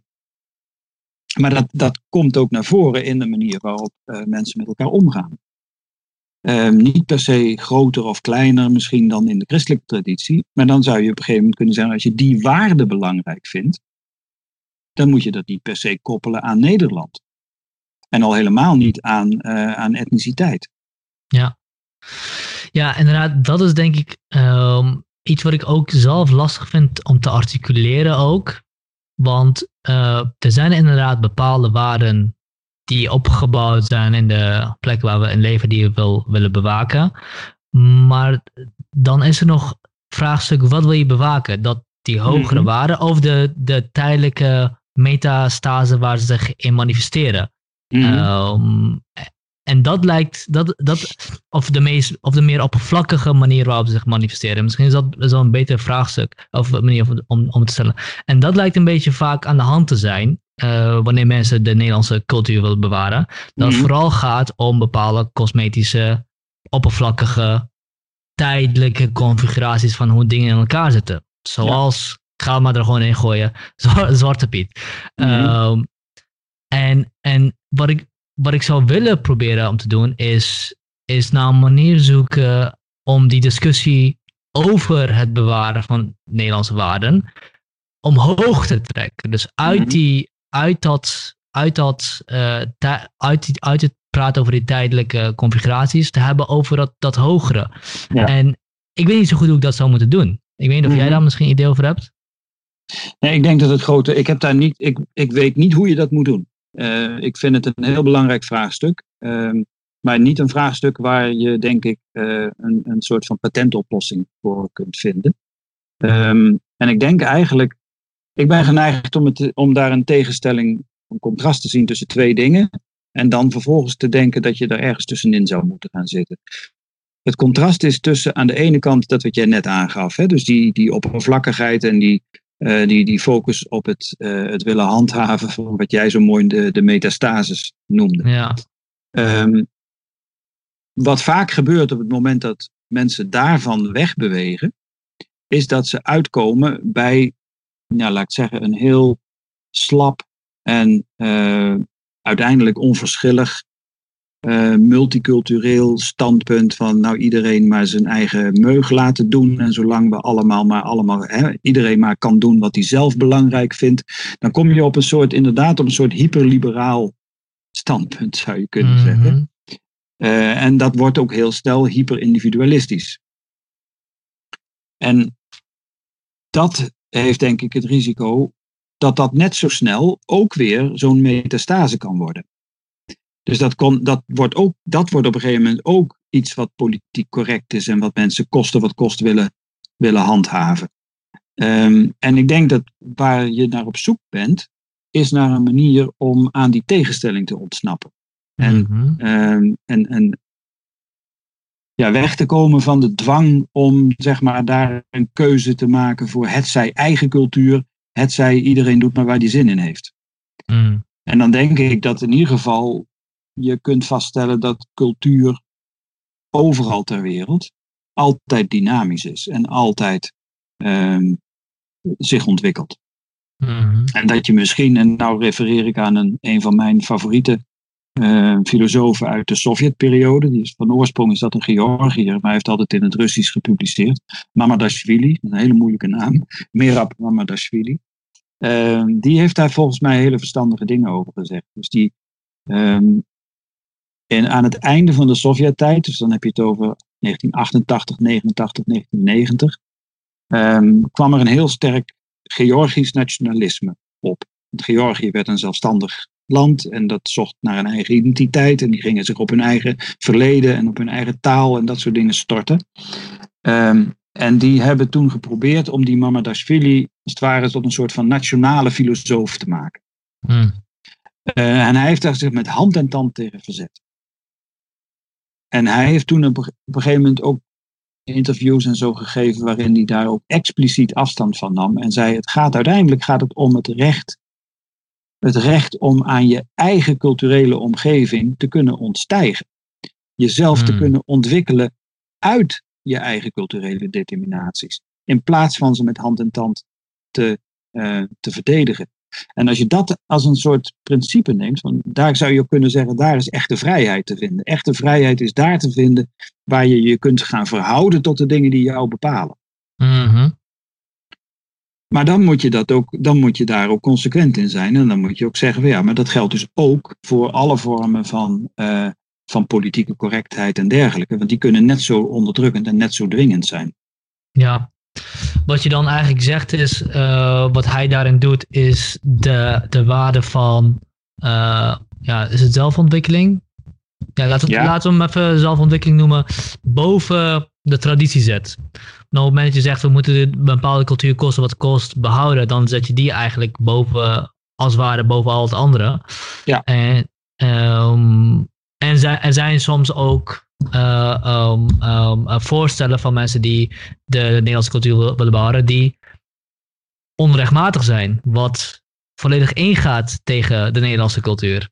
Eh, dus, dus dat. Dus dat is een interessante, interessant standpunt. Om het overstijgen van je eigen cultuur als, eh, als doel te vinden en jezelf te gaan jezelf op, op een bepaalde manier te, te kunnen verhouden tot de ge- dingen die jou bepalen Ja. en hebben gemaakt tot wat je bent. Ja, en hij zegt ook, eh, eh, zijn standpunt is, dat is cultuur. Cultuur is het overstijgen van determinaties. Cultuur is het niet voor lief nemen van, wat je, van hoe jij gevormd bent. Hmm. En dat kun je ook, dat kun je ook in allerlei vormen van, eh, kijk naar de ontwikkeling van kunst of iets dergelijks. Dat is voortdurend het ontstijgen aan de kanon. Voortdurend het op, op de proef stellen en de grenzen zoeken, et cetera. Ja, ja, interessant, interessant. Laten we teruggaan naar Poetin. T- en eh, teruggaan naar een van de originele vragen die, die ik stelde. Is hij daadwerkelijk de bondwillen die heel Rusland onder controle heeft? Ja, het kortste antwoord is natuurlijk nee. nou, misschien, eh, wat, wat is, de, wat is de, eh, de, de sentiment tegenover Poetin? Want hij lijkt, hij lijkt wel eh, veel volgers te hebben. Het, het, het lijkt alsof hij veel gedaan heeft op het economisch niveau voor, voor Mhm. Rusland. Mhm. Rusland is wel, wel een steeds grotere speler gaan worden. Ook in de media, ook in, in, in geopolitieke zin. Is dit allemaal het werk van, van één, één, één briljante man? Of, of is zijn er heel veel andere dingen aan de hand? Ehm, nee, dat is natuurlijk heel. Eh, Dat is, dat is complex en ingewikkeld. Ehm, maar ik denk wel dat je kan zeggen, even los van of je nou alles leuk vindt of goed vindt wat hij doet. Hè? Maar je kunt denk ik veilig zeggen dat Poetin wel een enorme ehm, impact gehad heeft. Geholpen door een aantal factoren om hem heen. Maar wel echt een impact gehad heeft in deze eeuw dus in de 21ste eeuw, in het Rusland weer op de kaart zetten. En in het ook eh, Russen weer een gevoel van zelfrespect eh, eh, geven. Hmm. Ehm, ik denk dat het voor ons moeilijk is, over het algemeen, ja, voor mij iets minder moeilijk, omdat ik er ook in die tijd vaak geweest ben. Maar de negentiger jaren waren in Rusland echt een hele moeilijke periode. Dus de eerste, zeg maar, het eerste tiental jaren na het uiteenvallen van de Sovjet-Unie is een periode geweest van veel crisis, veel criminaliteit, veel chaos, eh, enkele staatsgrepen, eh, een, een verwoestende oorlog in Zuid-Rusland, in Tsjetsjenië. Eh, een heel aantal dingen. Een president die, hè, Yeltsin, die nergens in de wereld ook maar op enige waardering of respect kon, kon rekenen. Rusland was het, het, het, het- de gekke Henkie van de wereldpolitiek. en dat zijn een aantal dingen waar Poetin in één keer een, die heeft een omslag weten te maken. Hij is daarbij enorm geholpen door de hoge olieprijzen. Want Rusland is voor, eh, in het verleden was het ruim de helft, nu is het geloof ik zo'n 40% van zijn, eh, van zijn nationaal inkomen afhankelijk van de export van olie en gas. Dus Mhm. olieprijzen en gasprijzen zijn voor Rusland, voor Rusland van cruciaal belang. Ja. Het grootste deel van het staatsbudget, wat de grootste hap, zeg maar, komt daar, eh, komt daar vandaan. Ehm, daarom is dat nu ook een heel groot probleem voor Rusland, dat die olieprijzen zo laag zijn. Rusland gaat daar letterlijk, denk ik, en misschien ook Poetin, eh, letterlijk aan kapot. Maar hij heeft in de eerste, nou zeg, in ieder geval tot 2008, dus tot die financiële crisis, die ook in Rusland een grote financiële crisis was, eh, heeft hij de wind heel duidelijk in de zeilen gehad. Heeft hij de orde weten te herstellen, eh, werd het in Rusland weer een stuk veiliger. De salarissen zijn, zijn gegroeid met, ik geloof, gemiddeld een factor van 4,5 of iets dergelijks. Dus mensen zijn er echt spectaculair veel op beter op, eh, veel op vooruit gegaan. En Rusland is een land met heel veel corruptie, maar de regering heeft in die periode ook heel veel geïnvesteerd in eigen infrastructuur. Bijvoorbeeld als je nu in Rusland rondreist, dan is daar eigenlijk een heel acceptabel eh, openbaar vervoerssysteem, om maar iets te noemen. Er is geïnvesteerd in gezondheidszorg, er is geïnvesteerd in onderwijs. Nu met die coronacrisis blijkt dat die gezondheidszorg dat die ook een heel aantal zwakke plekken heeft. Maar Mhm. ik, denk dat, ik denk dat in vergelijking met de negentiger jaren Russische ziekenhuizen op dit moment nog steeds vele malen beter zijn dan wat er toen was. Dat hebben heel veel Russen gemerkt. Die hebben dat in hun portemonnee gemerkt. Die hebben dat in hun dagelijks leven gemerkt. Die hebben gemerkt dat de kwaliteit van leven op allerlei eh, fronten verbeterde. En heel veel Russen zijn meneer Poetin daar heel erg dankbaar voor. En dan kun je als buitenstaander kun je zeggen van ja, maar dat kon alleen maar dankzij die olieprijzen. Die hebben zeker een grote rol gespeeld. Um, maar het is zeker ook het talent van Poetin om uh, een machtsstructuur neer te zetten uh, waarin hij aan de touwtjes trekt en uh, waarin de verschillende lokale overheden bijvoorbeeld weer meer doen wat Moskou van ze vraagt, et cetera. Dus hij heeft de, ja, de, de, de orde hersteld in Rusland en hij heeft vervolgens, um, heeft hij, de, dat noemde je al, hij is erin geslaagd om Rusland weer op het wereldpolitieke toneel een gezicht te geven. Mm -hmm. um, en, en dat is natuurlijk ook iets. Hè. Rusland is, dat zei ik dat is, dat is een tijd geleden, Rusland is een gigantisch land. En Rusland is een land met een hele grote en rijke geschiedenis. En de Russen zijn zich daar ook heel erg bewust van. Dus de Russen zullen zichzelf niet zomaar weg laten cijferen, zeg maar. En dus zij hebben ook echt zelf het idee van wij, wij, wij, stellen wat voor. Wij zijn een groot land, wij zijn een groots land, we hebben een grote culturele traditie, dat zal ook niemand ontkennen. Uh, en wij, wij verdienen onze plek op het wereldtoneel.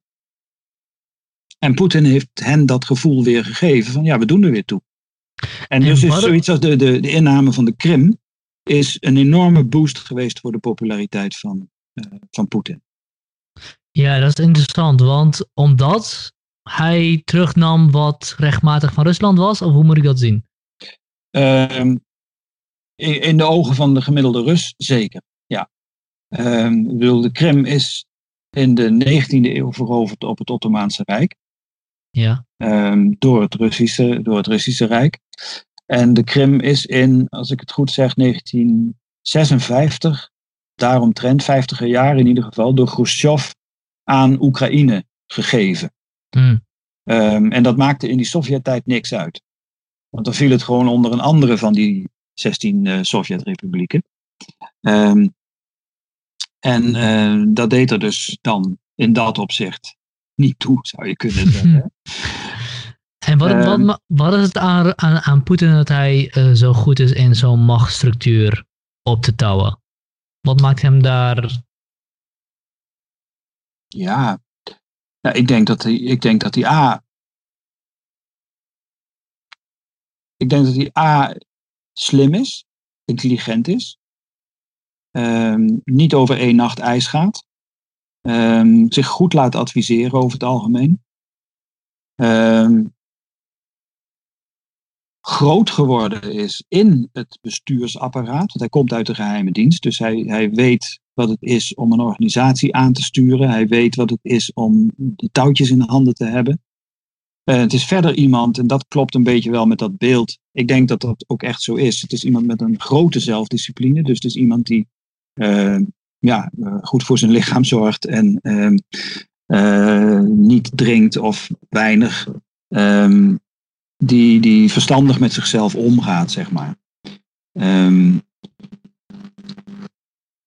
en ik denk dat het ook, ja, wat dan heet, een geslepen machtspoliticus. Hè? Dus iemand die, uh, nou, die Machiavelli goed gelezen heeft, laat ik het zo maar zeggen. Ja, dat, dat, dat, dat, dat idee heb ik namelijk ook wel. Want uh, ja, zoals ik al zei, als je mijn politieke conferenties ziet, komt het over als een heel, uh, heel rationele man die uh, niks anders aan doen is dan alleen maar zijn eigen, zijn eigen volk aan het verdedigen. verdedigen. Mm. Maar Rusland heeft heel veel, um, vermeend tenminste, vermeende, verme het is schuld aan heel veel um, information warfare, aan het verspreiden van fake news. Ja. Volgens mij is ook Russia Today ook niet alleen maar opgestart om alleen maar nieuws te verspreiden, maar om mm een soort van tegenstand tegen te bieden tegen het westerse narratief. Die uh, over het algemeen natuurlijk niet zo heel positief is tegenover, uh, uh, tegenover Rusland. Klopt. Dus wat dat betreft is hij enorm goed in, in, in, in de machtsbalans op het gebied van informatie ook te doen keren. Want mm -hmm. ja, goed, als je op de Amerikaanse nieuwswebsites één ding leest, maar op RT is anders, ja, wat moet je dan geloven? Mm-hmm. En um, wat ik ook interessant vind, wat ik uit uh, documentaire hypernorma uh, Hypernormalization heb van, hoe heet hij ook alweer?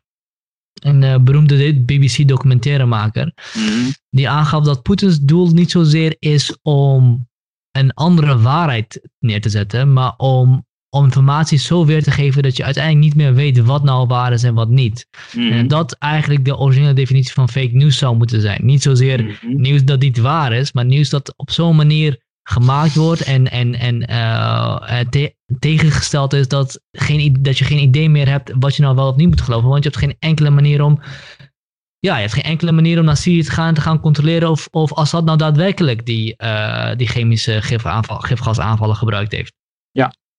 Ja, ja, ik, denk, ik denk dat dat. Ik, bedoel, ik, ik zit ook te proberen te bedenken, want ik heb er wel van gehoord eh, wie de maker van die documentaire is. Maar ik denk dat dat, ik denk dat dat beeld helemaal klopt. Dus ik denk dat dat de functie van fake news is: het onderuithalen van het idee van nieuws überhaupt.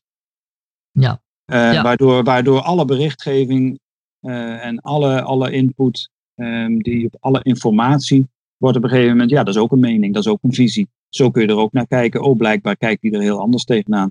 Dus wat dan, hoe het dan werkelijk in elkaar zit, dat interesseert op een gegeven moment dan niemand meer, zou je kunnen zeggen. Um, en ik denk dat als je zo'n situatie krijgt, dan is dat een open uitnodiging aan alle, allerlei vormen van, van machtspolitiek. Ja, Adam Curtis was het trouwens. Adam Curtis, ja. Ja, ja, ja. Um, maar is het ook, uh, is het ook, zijn we ook veilig om aan te nemen dat Poetin daadwerkelijk deze tactieken inzet? Of dat misschien alle regeringsleiders deze tactieken inzetten? Um,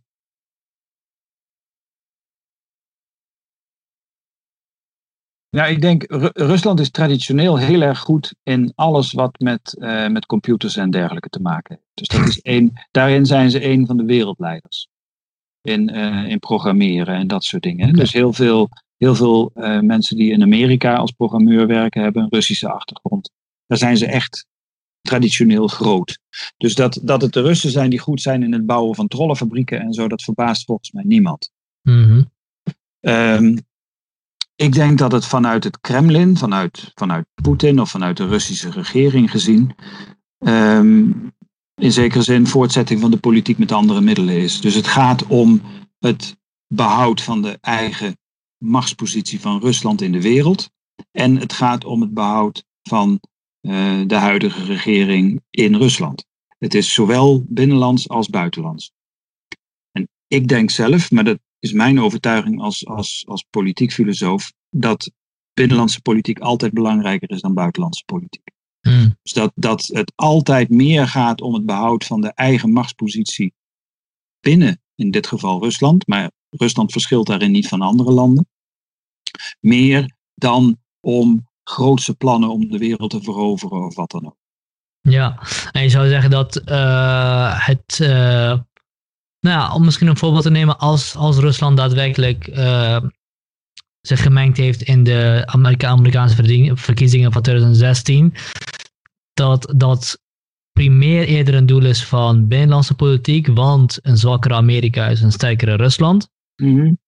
Ehm, ja, ik ik, dat kan ik wel volgen inderdaad. Dat meer dat binnenlandse, de binnenlandse politiek je kan nog genoodzaken om in het buitenland machtspolitiek te gaan spelen en- of geopolitiek te gaan spelen. Ja, ik, en ik kan me vanuit het, vanuit het perspectief van, eh, van het, zeg maar, het type politiek leider dat Poetin is, ehm, kan ik mij heel goed voorstellen dat hij een voorkeur heeft voor een eh, president als Donald Trump, waar je een deal mee kan sluiten en die zich niet zal bemoeien met de binnenlandse aangelegenheden van, eh, van Rusland, dan een president die de hele tijd roept mensenrechten, mensenrechten, mensenrechten. hoe, zit het met, eh, hoe, da, hoe zit het met de mensenrechten in, eh, in Rusland, nu je het, nu je het noemt? Ehm, Eh, ik zou zeggen, lees de rapporten van Amnesty International en, en dergelijke organisaties. Je Ehm, genoeg. Nou ja, die, sit- de, de, de mensenrechten situatie in Rusland is verre van ideaal. Ehm, tegelijk, daar hecht ik wel aan, ehm, Rusland is een vrijer land dan het in de Sovjetperiode ooit geweest is. Hm. Eh, dus als je nu in Rusland bent, eh, er, is, er is heel veel propaganda zeg maar, van de staatskant, met name op televisie. Ehm, maar Rusland is ook een land waar je met eigenlijk toch iedereen vrij gemakkelijk in een totaal vrij gesprek terecht kunt komen. Eh, waar mensen ge- geen blad voor de mond nemen in privégesprekken. Hè? Dus mensen hebben Mhm. geen, eh, geen angst om, om een mening te hebben en om die te uiten, et cetera publiekelijk uiten is een ander, is een ander verhaal. Maar feitelijk kan er, in- de facto kan er in Rusland eigenlijk behoorlijk veel. Behalve directe aanvallen op ehm, de politieke machtsstructuur. Ja. Dus echte Hoe, eh, oppositie is eigenlijk uitgesloten. Maar Rusland heeft nog niet zo lang geleden hebben ze grote discussies gehad over eh, pensioenherziening. Mhm. En dan gaan er duizenden Russen de straat op. En dat is geen probleem, maar zolang je niet uitspreekt tegen de, tegen de machtsstructuur. En als, Ja. bedoel- als je zegt machtsstructuur, bedoel je daadwerkelijk machtsstructuur of bedoel je Poetin? Eh, beide. Beide, ja. Ja. Ehm, je zei net ook al dat ze dus veel meer vrijheid genieten en, en er veel beter op vooruit gegaan zijn dan sinds de Sovjet-Unie tijdperken. Hoe verhouden ze zich tot de Sovjet-Unie? En hoe verhoudt Poetin zich, Poetin zich daar, daar, daar, daar tegenover? Ja. Dat is ook wel echt een complex verhaal hoor. Ehm, eigenlijk is dat een. Die, de Sovjet-Unie is. Dat, dat is het rare. Dat, ik kan het eigenlijk alleen maar goed aanduiden als ik het eh, contrasteer met Nazi-Duitsland. Mhm. Ehm, want het, zeker de Stalin-periode is daar echt wel op een aantal punten mee, eh, mee te vergelijken. Ehm, en die hebben ook een heleboel eh, onderdrukkingstechnieken van elkaar overgenomen, bijvoorbeeld. Ehm, maar die Sovjet-periode heeft zo lang geduurd, ehm, een, krappe 70 jaar, dat zeg maar drie generaties Sovjet-burgers ehm, dat voor, voor hen de, de, de gewone realiteit geweest is. Terwijl dat naziregime in Duitsland, dat heeft twaalf jaar bestaan. Hmm. En eh, die twaalf jaar, daar kun je als het ware overheen kijken. Dan kun je zeggen dat was een verschrikkelijke episode. Maar er zijn nog een heleboel mensen over van voor die tijd. En er zijn inmiddels ook jonge mensen en die gaan samen een nieuwe samenleving creëren. Eh, en de ergste boeven van die nazi-periode, die pakken we op en die worden berecht, et cetera. En een heleboel Ja. andere mensen, die proberen we weer een plekje te geven in de samenleving. Ja. Ehm, dat is in Rusland nooit, dat is daar eigenlijk niet een optie geweest. Want iedereen was opgegroeid in dat systeem. Meerdere generaties na elkaar. En dan krijg je de paradox dat aan de ene kant er eigenlijk, denk ik, geen familie is in Rusland die niet ergens ehm, een, een, een familielid heeft die destijds in de kampen is omgekomen. Die tragedies die zijn er overal. Want dat is ook overal geweest. Die terreur is overal geweest. Hmm. Er zijn hele volkeren gedeporteerd. Ehm, er zijn de meest verschrikkelijke misdaden tegen de menselijkheid begaan door, eh, dat, door dat Sovjetbewind, met name in de, in de Stalin-periode. Ehm, maar tegelijk zijn Russen in 1988 daar, ja, vanaf 1988 moet ik zeggen, formeel was 1990 het einde, uh, daar uitgestapt. Maar ja, je, je moet iets doen met dezelfde bevolking. Dus er is nauwelijks, er is nauwelijks sprake geweest van, uh, van zuiveringen en dergelijke. Hè? Of van uh, het, het afrekenen met, met de generatie die fout zat. Want in zekere zin had iedereen fout gezeten. En er zijn wel, er is een enorme herdenkingscultuur. Er zijn ja. heel veel, er zijn heel, ook wel veel monumenten voor slachtoffers van de, van de gulag en dergelijke. daar wordt echt wel aandacht aan besteed. Uh, ook door de regering. Dus er zijn ook monumenten waar, waar, waar Poetin dan een krans legt, bijvoorbeeld, voor de slachtoffers van de terreur. Uh, maar tegelijk is er een sterke neiging om die hele Sovjetperiode toch ook weer onderdeel te maken van, ja, laat maar zeggen, de grootste geschiedenis van Rusland. En dan spelen dingen een belangrijke rol als de spectaculaire ontwikkeling van dat land, die desondanks ondanks dat Sovjet-systeem heeft plaatsgevonden. Dus het feit dat iedereen kan lezen en schrijven. Het feit dat de Russische bevolking tot een van de beter opgeleide ter wereld behoort. Hmm. Uh, wat in de 19e eeuw echt niet het geval was. Hmm. En dus alfabetiseringscampagnes, opzetten van een hoger onderwijssysteem. Onderwijs voor iedereen. Alle kinderen hebben een schoolopleiding gehad. Die hele Sovjetperiode door. Um, het, het, het, maken van infrastructuur. Het industrialiseren van het land, et cetera. Dus er, is ook een, er is, zijn ook inderdaad enorme prestaties geleverd. Is in de, uh, in de Sovjet-tijdperk ook, zijn de hoge culturen ook doorgegaan? Is, dat. Uh, ja, maar met beperkingen. Ja, want alles stond in dienste van het ontwikkelen van het communistische gemeengoed. Um, ja, maar ook toen al, dus de, het communistische bewind in, uh, in Rusland is al heel snel begonnen met um, moet ik het zeggen, met het herschrijven van de geschiedenis van Rusland als de voorgeschiedenis van de Sovjet-Unie. Mm. En dus zijn alle grote schrijvers uit de 19e eeuw bijvoorbeeld, waren helden van de Russische literatuur. En dat zijn ze in de hele Sovjetperiode geweest. Degenen die daarvan uitgesloten waren, dat waren de mensen die actief tegen de Bolsjewieken hadden geschreven en dergelijke. En dat waren mensen die werden als burgerlijk weggezet of als vijanden van, uh, van de revolutie, et cetera.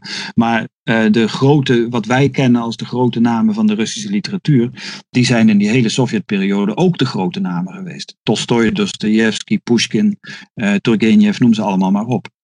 Dus die, uh, die, die, boeken zijn gepubliceerd, die toneelstukken zijn eindeloos uitgevoerd, de opera's van Tchaikovsky zijn, en de balletten zijn eindeloos uitgevoerd. Dus in die zin is die hoge cultuur uh, heel duidelijk ja, levend gehouden, zeg maar. Zeker ook op het niveau van uh, wat dan heet de performative arts, dus uh, ballet en concerten en, uh, en, theater en dat soort dingen. Um, de cultuur in de, in de Sovjetperiode zelf heeft wel echt enorm geleden onder, onder censuur en zelfcensuur. En er zijn perioden geweest die, dat het wat relatief liberaal was. En dan werden er boeken geschreven die ook heel snel een enorme impact hadden. Maar dan kwam dat toch te dicht bij het centrum van de macht. En dan werd het weer, uh, uh, weer verboden. Of mensen werden het land uitgezet. Of, uh, of erger. Ja, ja, ja, ja duidelijk. En um, hoe is het uh, je noemde het een klein beetje dat uh, ja, de Sovjet-Unie toch wel, was ook wel de tijd van een groot Rusland. Hoe verhoudt de machtsstructuur zich daar tegenover? Want aan de ene kant wordt er gesproken over de glorie van Rusland en de Mhm. grootheid van Rusland. Maar Rusland was op zijn grootst tijdens de Sovjetperiode. Maar Mhm. tegelijkertijd was het ook een van de zwartste bladzijden uit de, zeker, Mhm. Zeker uit de recente geschiedenis van, van Rusland. Ja. Dus hoe, hoe proberen ze dat op de een of andere, of proberen ze dat helemaal niet, maar hoe proberen ze dat te, te ruimen met elkaar? Nou, dat, ja, dat proberen ze zeker te rijmen met elkaar. Um, ook daar moet je wel bedenken dat er ook een veelheid van narratieven is. Mm Het is dus niet één simpel verhaal. Er zijn een heleboel verschillende, um, verschillende verhalen. En er zijn ook mensen die daar heel verschillende ideeën over hebben. Um, en... Daar kijkt even iemand mee. ja. um, ja, dat is prima. Ik moet over een uh, kwartiertje Prima, dat is geen probleem. Dan houden we bij de Ehm, laatste vraag en dan eh sluiten we hem af. Ehm,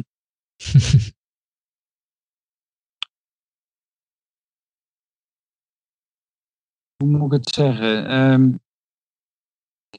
het, huidige, het huidige regime en Poetin is daar bij meerdere gelegenheden ook heel expliciet over geweest. Ehm, er is niet een verlangen om terug te gaan naar het Sovjet-systeem. Ehm, Poetin heeft wel gezegd, en dat heeft hij bij meerdere gelegenheden ook gezegd en benadrukt, eh, dat hij het uiteenvallen van die Sovjet-Unie als een van de grote tragedies van de 20e eeuw ziet. Dus dat hij wel op eigenlijk idealiter ehm, ja, iets wil herstellen van, die, van die, dat, die grote economische en politieke ruimte. Ehm, hoe dat dan precies vorm moet krijgen, daarover zijn verschillende ideeën, doen daarover de ronde. Ehm, over het algemeen, met de uitzondering natuurlijk van het grote conflict met Oekraïne. En ook met de uitzondering van de drie Baltische eh, republieken die lid zijn geworden van de Europese Unie. Met de rest van de voormalige Sovjet-Unie onderhoudt Rusland goede betrekkingen. Mm. Dus dat geldt voor die republieken in Centraal-Azië, dat geldt voor de Caucasus. Behal, ja, Georgië is daar weer een lastig geval. Het geldt voor Moldavië en Wit-Rusland. Rusland heeft in die zin zijn positie ook wel eh, verbeterd sinds zeg maar, het uiteenvallen van, eh, van de Sovjet-Unie. Maar ja, in zoverre.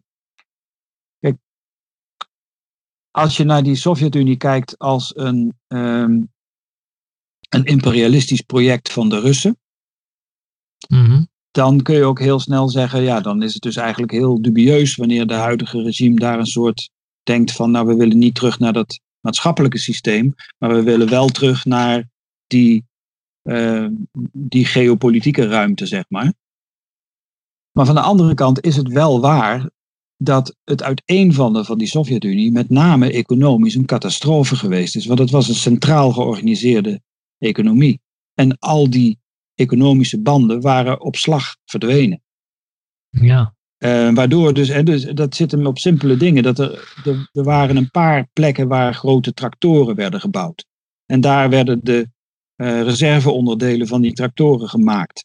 Dus als je dan in eh Oezbekistan ehm, een heel grote kolgoze hebt die katoen verbouwt, dan ben je afhankelijk van tractoren die gemaakt worden in Minsk, de hoofdstad van Belarus. Ja. En als die Sovjet-Unie dan bij elkaar uit elkaar valt, ja, dan moet je op. Hoe kom je dan aan je onderdelen? Dus een beetje, je moet je die 90 jaren voor een deel, denk ik, voorstellen als het probleem wat nu is met die mondkapjes en dergelijke. Waar halen we ze in godsnaam vandaan? Waar halen we de onderdelen vandaan? Beademingsapparatuur blijkt opeens in de VS gemaakt te worden. Ehm, waarom doen we dat niet zelf? Nou, die hele problematiek, die speelde heel sterk ook in de 90 jaren. En dat, dat is een vrij groot drama geweest, ook, ook in economische zin. En daar hebben heel veel mensen in, niet alleen Rusland, in de hele voormalige Sovjet-Unie, hebben daar zwaar onder te lijden gehad. ja. Dus, dus met, het, met het narratief van ik wil daar toch iets weer van terugkrijgen, eh, dat spreekt denk ik ook heel veel eh, mensen in Rusland wel, wel aan. Die ook weinig de neiging hebben om te denken wij zijn de boosdoeners geweest. En die Mhm. anderen, hè, die Oezbeken en die, die Oekraïners en zo, die waren de slachtoffers van onze koloniale politiek. Russen hebben veel eerder de neiging om te denken: wij hebben ons opgeofferd voor al die anderen. En moet je kijken, nu krijgen we stank voor dank. Ja, heel interessant. Ik vond het heel leuk om eh, op deze manier in, eh, in, eh, in Rusland en, eh, en de manier waarop zij kijken naar het Westen te duiken. Ehm, is toch wel weer eh, een besef van, oh ja, zij kijken daar op een heel andere manier. Zij hebben heel andere ogen die naar ons kijken als de ogen van ons die naar hun kijken. En positioneren zich op een heel andere manier. Dus de wereld die zij, die zij zien is ook een heel andere wereld dan, dan, wij, dan wij zien. Ja. Eh, waar wij zien Waarbij, ze- waarbij, ze, waarbij die, die ogen die bestaan in het meervoud. Hè? Ja, uiteraard. Ja, ja, ja, ja uiteraard, uiteraard.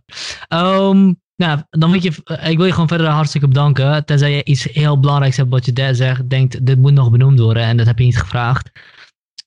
Nou, eh, ja, er zijn talloze dingen waarvan ik, me, waarvan ik bedenk dat daar hadden we het ook over kunnen hebben. Of daar had je vragen over kunnen stellen. Het is natuurlijk een eindeloos onderwerp. Hè? Mm, Eh, ik bedoel, het is niet alleen een ontzettend groot land, het is ook een lange geschiedenis. Het is een heel complex land. Het is, het is een hele ingewikkelde eh, ingewikkelde samenleving waar heel veel over te zeggen valt. Ehm, ik, ik, wat ik wel heel erg ja, belangrijk vind om, om even te zeggen is, ik merk iedere keer, er zijn meer landen waar dat voor geldt, maar misschien geldt het voor Rusland net wat meer. Ik merk heel vaak dat als ik daar met mensen ben die er voor het eerst komen, studenten bijvoorbeeld, ehm, dat die vrij snel zeggen van nou, het klopt gewoon echt niet hoe ik het dacht. Dus het, Hmm. het, mijn beeld klopt, de, de schellen vallen ze van de ogen. En dus wij hebben, een, wij hebben heel snel een beeld van Russen als eh, wat, wat, wat stugge, onvriendelijke, nationalistische mensen die allemaal pro-Poetin zijn. Ja. Als je daar rondloopt, is het tegendeel het geval. Niet omdat iedereen met een bordje anti-Poetin loopt, maar omdat mensen veel opener, veel vriendelijker, veel prettiger in de omgang zijn dan je van tevoren dan, eh, dan zou denken. dacht dat het ging gebeuren. Ja. Ja. En dus in die, zin, in die zin kan ik eigenlijk iedereen alleen maar, ja, dat is eigenlijk wat ik altijd tegen mensen zeg, ga er gewoon zelf naartoe en ga het met eigen ogen zien. Ga wel met iemand die Russisch spreekt. Want eh, het Engels is niet zo goed. Nou, dat houdt heel snel op. Ja, oké. Ja. Dus ik denk, eh, ik denk wat dat betreft kun je Rusland misschien vergelijken met, met bijvoorbeeld Turkije. En dus op plaatsen waar veel toeristen komen, daar zijn ook best mensen die Engels spreken. Hm. Maar dat zijn misschien ook niet per se de mensen die je graag zou willen spreken. Want de mensen die je zou willen spreken zijn gewone mensen. Ja. En vaak ook mensen die wat van je willen. Ja, dat gebeurt precies. ook wel. Ja. Ja, terwijl de, wat mij heel vaak opvalt aan Russen is een enorme, hoe moet ik dat noemen? Eh, ze zijn ten eerste heel erg gastvrij. Mhm. Ehm, maar ze hebben ook sterk de neiging om, ehm, ja, hoe moet ik dat zeggen? Ze hebben een soort van welwillende onverschilligheid, zou je kunnen zeggen. Zo van, jij bent hier, jij bent hier best welkom als gast, ehm, maar dit is niet jouw land. Ehm, dus we zullen jou zeker goed behandelen en we willen eventueel ook wel wat aan je verdienen. Ehm, en we willen heel graag vertellen over waarom wij trots zijn op ons land. We willen eventueel ook heel erg vertellen over wat er allemaal mis is in dit land. Maar het blijft Ja. ons land.